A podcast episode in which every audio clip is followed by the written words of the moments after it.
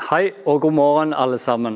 Vi skal i dag snakke om eh, Guds nåde som endrer alt. Og Altfor ofte så tenker jeg at vi mennesker lett kan tenke at Gud han er bare ute etter de som fikser livet, de som får det til, de som takler det, og som ikke gjør de store feilene. Eller vi kan tenke at Gud han elsker sikkert alle, men eh, han er virkelig god venn med, og han velsigner virkelig de som får til det livet akkurat slik som han ønsker. De som følger visse kriterier, og de som gjør det som forventes, for da får du det som fortjenes. Gud er en sånn som gir til de som fortjener det, pga. deres egne prestasjoner. Når vi gjør noe, så kan vi også forvente å fortjene noe. Med andre ord, Guds nåde og velsignelse kom til de som gjør det rette. Noen ganger er det sånn, og kanskje det er sånn akkurat nå, at noen også sier at hvis du bare gjør det riktige, hvis du sår slik, og hvis du gir på den måten der, da kan du virkelig forvente deg gode resultater. Ja, Da vil ikke Gud straffe deg, men da vil han gi deg sin nåde. Ja, med andre ord, om prestasjonen din igjen er god nok, om du bare gjør det som er rett, eller når du går den rette veien og gjør det 100 ja, da kan du forvente deg Guds godhet, hans velsignelse. Tingen er den at sånn som jeg leser det og ser evangelien, så er det faktisk nesten stikk motsatt. Det historiene Jesus i møte med mennesker viser oss, er nettopp det at hvis du har rota deg bort, hvis du har kommet i deg i trøbbel, og du har rota deg bort big time, eller du har store problemer med å tilgi deg sjøl Om det er noen gang Gud virkelig leter etter oss mennesker, så er det da. Om det er noen gang Gud virkelig snur seg, og Hans nåde kommer løpende etter oss, så er det da. Når vi ikke fikk det til, når vi ikke ledde et liv der vi virkelig fortjente noe osv. Han snur seg ikke bort for deg, han snur seg faktisk imot deg da. Det er sånn Guds nåde er. Der vi kan tenke at Gud snur seg bort ifra oss når vi synder, der kommer han oss i møte. Jo, Gud han hater synden, men han elsker oss syndere. Og Det er også derfor Salme 103, 8 sier det sånn som dette her. Barmhjertig og nådig er Herren, ja, sein til vrede og rik på miskunn.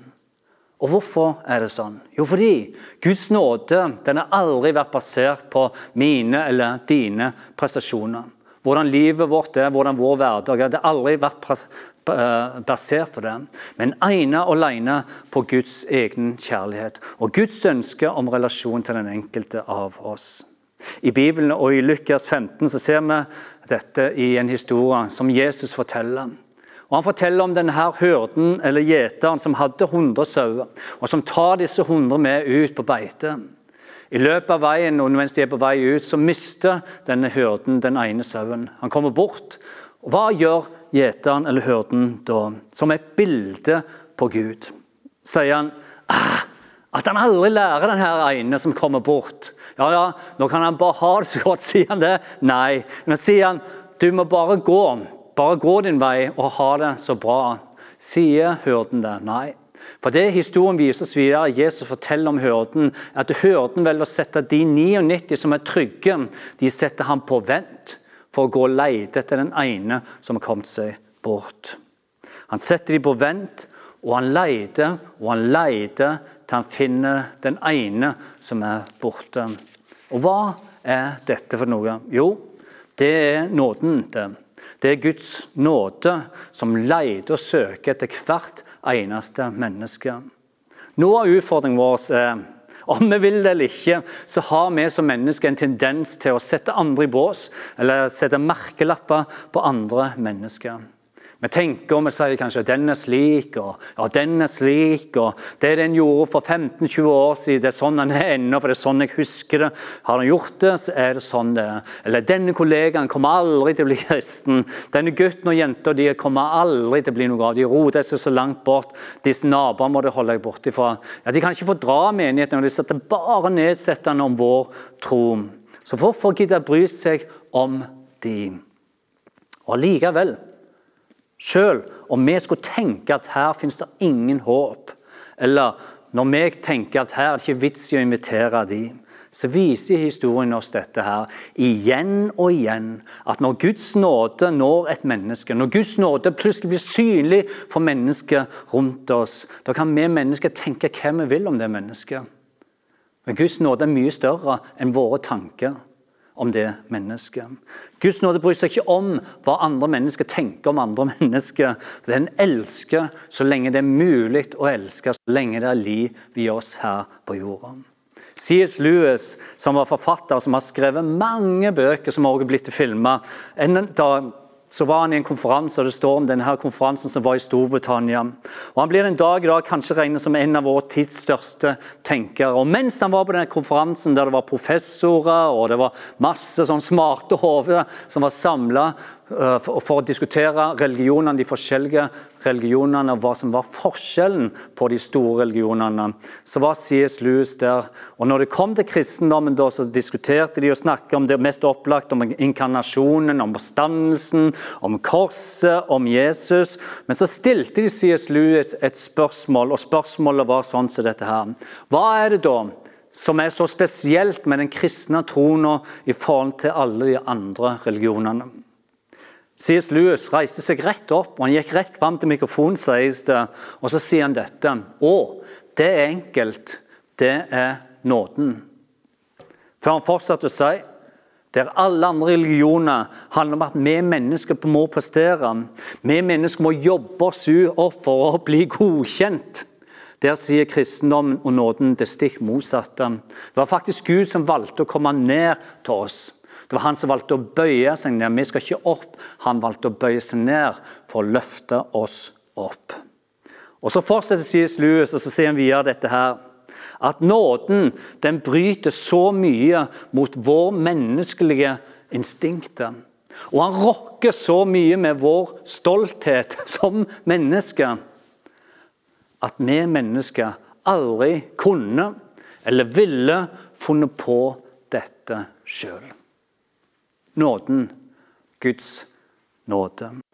Og Det var også det som gjorde C.S. Lewis, som før var en ateist, som selv kom til tro og valgte å kalle seg en kristen, valgte å leve ut sin tro, valgte å leve ut dette som han hadde fått tak i nåden, uten å gjemme det bort, uten å holde noe igjen, uten å skjemmes av det. Men han valgte å leve nådeliv med Jesus ut foran alle mennesker, fordi nåden greip han sterkt i livet. Gjør nåden det med deg? Er nåden slik for oss?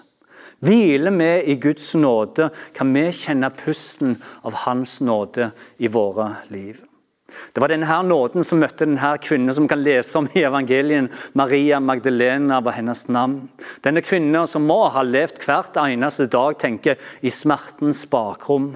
Hun som ingen hadde tro på, hun som var tråkka på og ekskludert. Hun var uten håp, uten framtid, i et vakuum. Et bare eksisterende liv. Men når nåden kom, når nåden møtte han, når Jesus kom med nåde og så henne dypt inn i øynene, så endra nåden alt.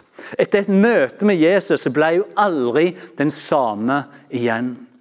Og Det er nettopp dette som det kommer så tydelig og nydelig fram i Åse Marie Nesse sitt dikt, når hun nettopp snakker om nåden.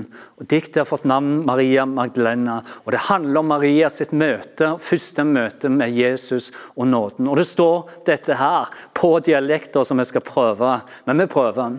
En morgen kom han forbi, og han stanser, og siden var ingenting som før. Han anda fridom ut i verden. Himmelen var taket hans, og fuglen i brystet mitt fikk flyge. Sjøl kaktusene bløma under hendene hans. Og bare han så på meg, ville mine føtter danse. Nåde, det er Guds nåde. Bare han så på meg, så ville mine føtter danse. Eller denne Saulus som ble til Paulus fordi Gud så han. Han som brutalt forfulgte de første kristne og den første menighet. Helt til Guds nåde møtte han, og lyset traff han, og han fikk et fullstendig nytt liv. Men hvem er i grunn, hvis vi skulle tenke dagens Saulus? Hvem er dagens Saulus for oss? Hvem er det i grunnen vi kan sammenligne han med han som drev med forfølgelsen, han som var brutal, han som drev med henrettelsen av gode kristne mennesker? Hvem er dagens Paulus for oss? Eller kanskje et annet viktigere spørsmål hvem er det vi tenker på når Guds nåde kan nå? Hvem er det vi tenker Guds nåde ikke når fram til? Tenker vi at den kollegaen den kommer aldri til å gå, eller den naboen osv., eller den i familien? Tenker vi sånn når Guds nåde nådde Saulus, som ble til Paulus? Denne berykte mannen som alle var livredde, fikk et radikalt møte med nåden, og livet hans ble aldri det samme igjen. Hvem er det i grunnen? Vi velger å tenke at ikke nåden kan nå. Hvem er det vi tenker at Guds nåde ikke kan nå inn til når nåden nådde Paulus sitt liv? For dette er det Paulus fikk høre av Gud. Og det var dette. Noen få ord. Min nåde er nok for deg. Det var Guds stemme til Paulus. Min nåde er nok for deg, for kraften fullendes i svakhet. Og Jeg vet ikke hva du tenker om dette, her, men tenk at det er noe under himmelen da, som er nok. Tenk at det er noe som er tilstrekkelig her på jorda. Det er noe som er absolutt 100% godt nok. Tenk at det fins noe som det ikke er feil med, men noe som er 100% konstant. Det er godt nok, og det ble sagt av Gud sjøl, og det er Guds nåde som er nok. Hvem er da større enn det? Er det noe som er større, eller hvem kan mene noe annet om det? Fordømme andre, eller si at det ikke er slik, når Gud sjøl sier at 'min nåde er nok for deg'. Den danske filosofen Søren Kirkegaard han skriver det slik som dette her.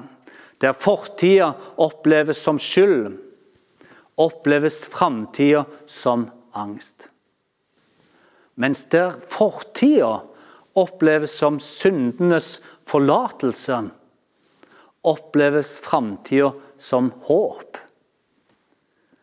Med andre ord, der syndens forlatelse er blitt et faktum, det vi har kommet, erkjent det feil, gitt det videre, og vi glemmer å bare legge det fra seg, der er framtidens lys. Der kommer vi til mål der vi kan legge det framfor for Gud. Der finnes det en himmel der framme. Der er nåden, der er lyset og det er huset vi kan flytte inn i. Nådehuset. Det er livet vi får lov til å leve. Vi er omslutta, omfavna av nåde.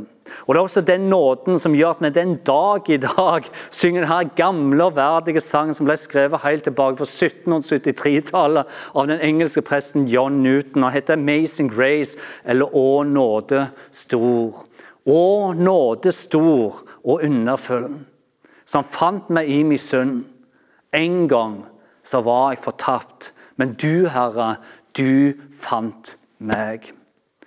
Den ene, meg og deg, som har kommet bort, fikk igjen møte O nåde så stor.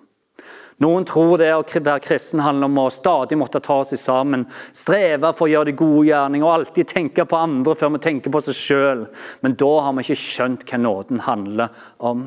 Fordi nåde har aldri noen gang handla om at vi må prestere for Gud men ene alene at vi fikk del i det Gud ønsket å gi oss.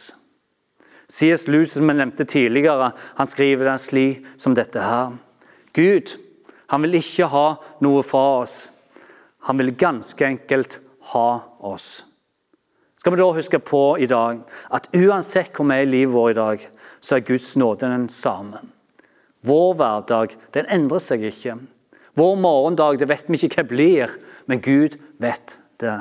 Vi har ikke kontroll på det som kommer, men det vi kan vite, er dette. At nåden den forlater oss aldri. Nåden er den samme i dag som var i går, som var i flere generasjoner, ja, helt tilbake når Gud satte nåden til jorda. Gud vil ikke ha noe for oss. Han vil ganske enkelt bare ha oss. Det tenker jeg er en god kjærlighetserklæring til oss alle nå på denne dagen. Skal vi ta med det? at Guds nåde den er stor. Den er nok. Det er hans erklæring, kjærlighetserklæring til deg og meg. La oss be i sammen til slutt. Takk, gode far, for din nåde så stor. Takk for at du ikke setter merkelapper på oss. Du kom ikke for å dømme, men du kom for å frelse verden. Vi takker deg for din nåde. Så må du hjelpe oss slik at vi forstår at du er en god far. Men også er du en Gud som en dag skal møte hvert eneste menneske. Det står dette ordet at da er det bare én ting som betyr noe. Og det er ikke at vi ikke tok imot nåden, men at vi gjorde Jesus til herre i vår liv. Takk for at du ikke vil ha noe fra oss, men du vil ha den enkelte av oss. Ene og alene fordi du elsker oss med dine barn. Amen. Skal vi ta imot Herrens velsignelse til slutt? Må Herren velsigne deg og bevare deg. Må Herren la sitt ansikt lyse over deg og være deg nådig. Må Herren løfter sitt åsyn på deg og gir deg sin fred. I Faderen og i Sønnen og Den hellige ånds navn. Takk for i dag.